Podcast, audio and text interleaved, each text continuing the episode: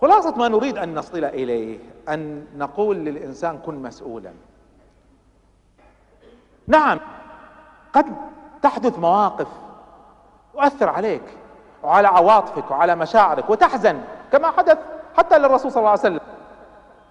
لكن قمة المسؤولية أن يفرق الإنسان بين ما يحدث له وبين ما يفعل. خلونا نفكر في هذا المعنى بشكل أعمق. حياتنا إحنا مسؤولين عنها.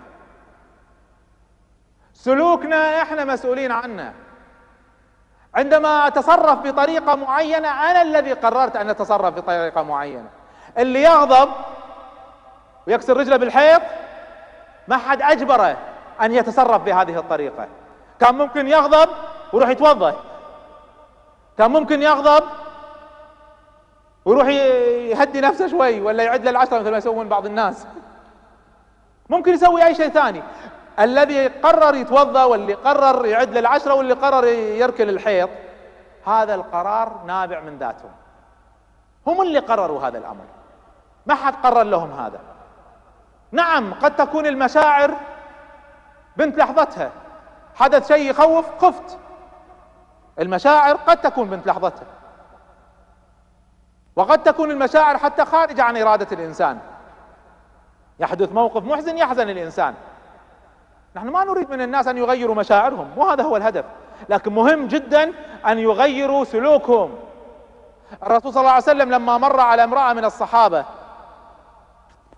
لما مر النبي صلى الله عليه وسلم على إحدى الصحابيات وكانت هذه الصحابية تبكي على زوجها قتيل في المعركة. فهدأها الرسول صلى الله عليه وسلم. فقالت إليك عني. فجاءوا لها النبي صلى الله عليه وسلم انصرف فجاءوا لها وقالوا كيف تقولين هذا لرسول الله صلى الله عليه وسلم؟ فقال قالت والله ما عرفت. وجاءت إليه تعتذر.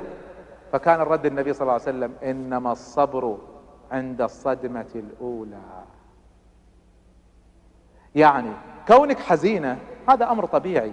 الإنسان طبيعي يحزن. نحن لا نريد للناس أن يكونوا بلداء بلا مشاعر. طبيعي أن يحزن الإنسان لكن كيف يتصرف بعد ما يحزن؟ كيف يتصرف هذا الإنسان؟ هل يتصرف تصرف الإنسان الغير المسؤول؟ تصرف أهوج أم يتصرف تصرف هو مقرر لهذا التصرف؟ نحن نريد للإنسان أن يكون حرا. لا تكن عبدا. الحرية أن تفعل ما تشاء متى شئت كيف شئت. لا يتحكم بك أحد. ولما نقول هذا هذه الحرية معناها الشامل. لا يتحكم بك أحد لا يتحكم بك أب ولا أم ولا زوج ولا زوجة ولا أولاد ولا رئيس في العمل ولا حكومة ما يتحكم بك أحد. لا تكن عبدا. لكن هذه الحرية بهذه الصورة المطلقة وجد البشر أنها مؤذية لهم ولذلك في كل البشر بغض النظر عن أديانهم أو عقائدهم أو مناهجهم الفكرية أو السياسية وضعوا لهذه الحرية قواعد وأصول. ونحن عندنا قواعد وأصول لهذه الحرية. أصول البشر تتغير وتتبدل. أصول البشر قابلة للانحراف قابلة للظلم. أما الأصول التي تأتينا من الله سبحانه وتعالى فهي العدل الكامل العدل المحض الذي ليس فيه ظلم. فكن عبدا لله ولكن كن حرا في غير ذلك.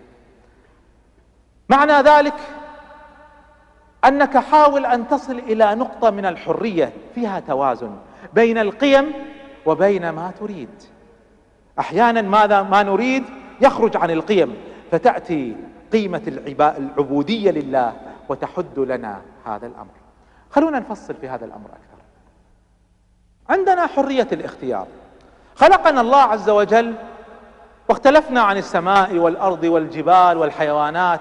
اختلفنا عنها بأننا عندنا حرية الاختيار. نحن نقرر ما نريد. نحن نقرر ما نفعل. نحن نقرر ما نؤمن به. نحن الذين نقرر ذلك. لدينا حرية الاختيار. وحرية الاختيار الصادقة العميقة هي التي تنبع من إدراك الذات تنبع من ضمير حي تنبع من عزيمة مستقلة. هذه أسس النجاح. علموا أولادكم هذه المعاني. علموهم أنهم يفهموا من هم ما هي قدراتهم. علموهم أن يكون عندهم قيم ضمير حي مبادئ أخلاق. ينطلقون منها في التعامل مع البشر. علموهم أن لديهم الإرادة لديهم العزيمة التي لا تخضع لأحد إلا لخالقهم علموهم العلم الحقيقي. علموهم كيف يفهموا الحياة. علموهم العقيدة التصورات القيم المبادئ فهم الذات. علموهم هذه المعاني. علموهم أن تصرفاتهم واستجاباتهم تخضع لقيم ولا تخضع لمشاعر وأحاسيس. قد يحدث للإنسان مصيبة يريد معها أن ينتحر أو يلطم أو يشق الثوب. فجاء الإسلام يقول لا أنت تستطيع أن تتحكم في سلوكك. رغم أن شعورك قوي رغم أنك لا تستطيع تشعر أنك تغلي لكنك تستطيع أن تتحكم في سلوكك. هذا مبدأ انطلاق الحياة مبدأ انطلاق النجاح. أنت تستطيع أن تتصرف كما تشاء. حتى لو كانت مشاعرك تدفعك للتصرف بطريق آخر أنت تستطيع أن تختار حياتك. هذا هو المبدأ الأصيل الذي ينطلق منه أساس النجاح. يعيش الناس بصورتين. في ناس يعيشون بطريقة صحنة فعل اللي دائما تسمع على لسان. ما فيش فايدة. وغطيني يا صفية. سعد زغلول. في ناس يعيشون بطريقة أنا ما أقدر أتغير هذه طبيعتي. أذكر مرة كنت أتناقش مع واحد عصبي. أقول له يا ابن الحلال هد شوي. قال يا أخي شو أسوي؟ أهلي كلهم كذي. يعني صارت بالجينات. هذه طبيعتي. تجي لي واحد فوران غضبان. أقول له ابتسم. ما أستطيع ابتسم. نرفزني. هذا كله طريقة لو. لو أنهم ما عملوا كذا. لو الحكومة سوت. لو لو ها؟ طريقة لو. لو إني مو من هالعائلة كان صرت هادي. هذه طريقة لو. في ناس يعيشون بهذه الطريقة. وفي ناس يعيشون بطريقة أخرى. بدل ما يقول ما فيش فايدة خلينا نفكر خلينا نبحث عن حل جديد خلينا نبحث عن بدائل. بدل ما يقول ما أستطيع يقول أستطيع. أنا أستطيع أن أتغير. بدل ما يقول استفزني أقول ما حد يقدر يستفزني. والله لو تقعد للصبح ما تقدر تستفزني. إلا بإرادتي. أنا الذي أتحكم في إرادتي. أنا الذي أتحكم في تصرفاتي. بدل ما أقول لو وأتكلم عن الماضي أتكلم عن المستقبل. اختاروا لأنفسكم واختاروا لأولادكم. إما أن تعيشوا بطريقة صاحب رد الفعل أو أن تعيشوا بطريقة المبادرة. عودوا أولادكم على هذه الكلمات. أستطيع أقدر. ما حد يستفزني. خلينا ندور بدائل. أنوي بدل طريقة ما فيش فايدة ها؟ كل إنسان فينا له دائرة اهتمامات. كل واحد فينا اهتماماته مختلفة. هذه بعض الاهتمامات في غيرها. قد يكون اهتمام الصحة الأسرة العمل المال البيئة الدين وفي غيرها كثير. كل واحد فينا عنده دائرة اهتمامات وكل واحد فينا كذلك عنده دائرة نفوذ.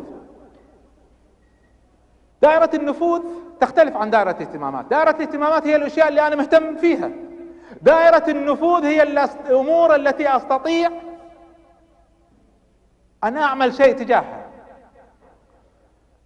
أذكر لما رجعت من أمريكا بعد غيبة طويلة لاحظت ظاهرة في مجتمعات الخليج وبالذات الكويت. ظاهرة التذمر والشكوى الكل يشتكي. ما تقعد مع أحد إلا يشتكي. فأذكر مرة كنا في مسجد ومجموعة من كبار السن اللي عاشوا عمرهم في هذا المسجد قاعد يسولفون. مسجد والله يا أخواني يا أخواتي ممتاز. مفروش فراش ممتاز. أثاثة جيد الديكور ممتاز. المكيف ممتاز. بدأوا يشتكون. وأنا قاعد أتسمعهم. كمثال لهذه الظاهرة. واحد يا الله يا أخي هذا السجاد الجديد اللي حطوه تعبان. الجديد تعبان. قال وهذا المكيف يا أخي الجديد بارد ذبحنا قال يا أخي والله كل شيء في المسجد هذا خربان. حتى الإمام خربان. كان يضحك الثاني قال حتى المأمومين إيش دعوة؟ ظاهرة الشكوى ظاهرة التحلطم تذمر ظاهرة. يعيشها كثير من الناس. ماذا يتكلموا عنه؟ يتكلموا عن دائرة اهتماماتهم امور تهمهم لكن ما يتكلموا عن دائرة نفوذهم. طيب في شيء مزعجك؟ في شيء مزعجك؟ هل تتفرج؟ أم تحاول أن تفعل شيئا؟ هذا الفرق بين الذي يعيش حياة خمول ويعيش حياة نجاح. صاحب الخمول يقعد يشتكي. يشتكي من الداخلية ويشتكي من الدفاع ويشتكي من الأمن ويشتكي من الصحة ويشتكي من الأشغال ويشتكي من الإسكان ويشتكي من الكهرباء ويشتكي من كل شيء يشتكي منه. أما صاحب المبادرة فيسأل نفسه هذا السؤال وبيسر طيب في مشاكل كثيرة وكل المجتمعات تعيش مشاكل. ماذا أستطيع أن أفعل؟ كم أستطيع أن أغير؟ إذا لكي تكون فعالا. حاول أن تنتقل من الحديث عن دوائر الاهتمامات ولا تفعل شيئا إلى التركيز على دائرة النفوذ. الأمور التي تستطيع أن تفعل شيئا تجاهها افعل شيئا تجاهها. هذا هو المعنى الأول من معاني النجاح. الإنجاز مع النفس. أن تفهم نفسك أن تفهم ذاتك أن تكون فعالا أن تفهم قيمك أن تفهم أنك شيء يختلف عن مشاعرك وأحاسيسك أن تفهم أن ما ولدت عليه ونشأت عليه وتربيت عليه قابل للتغيير قابل للتغيير. أن تفهم أن حياتك حياتك بيدك وليست بيد غيرك.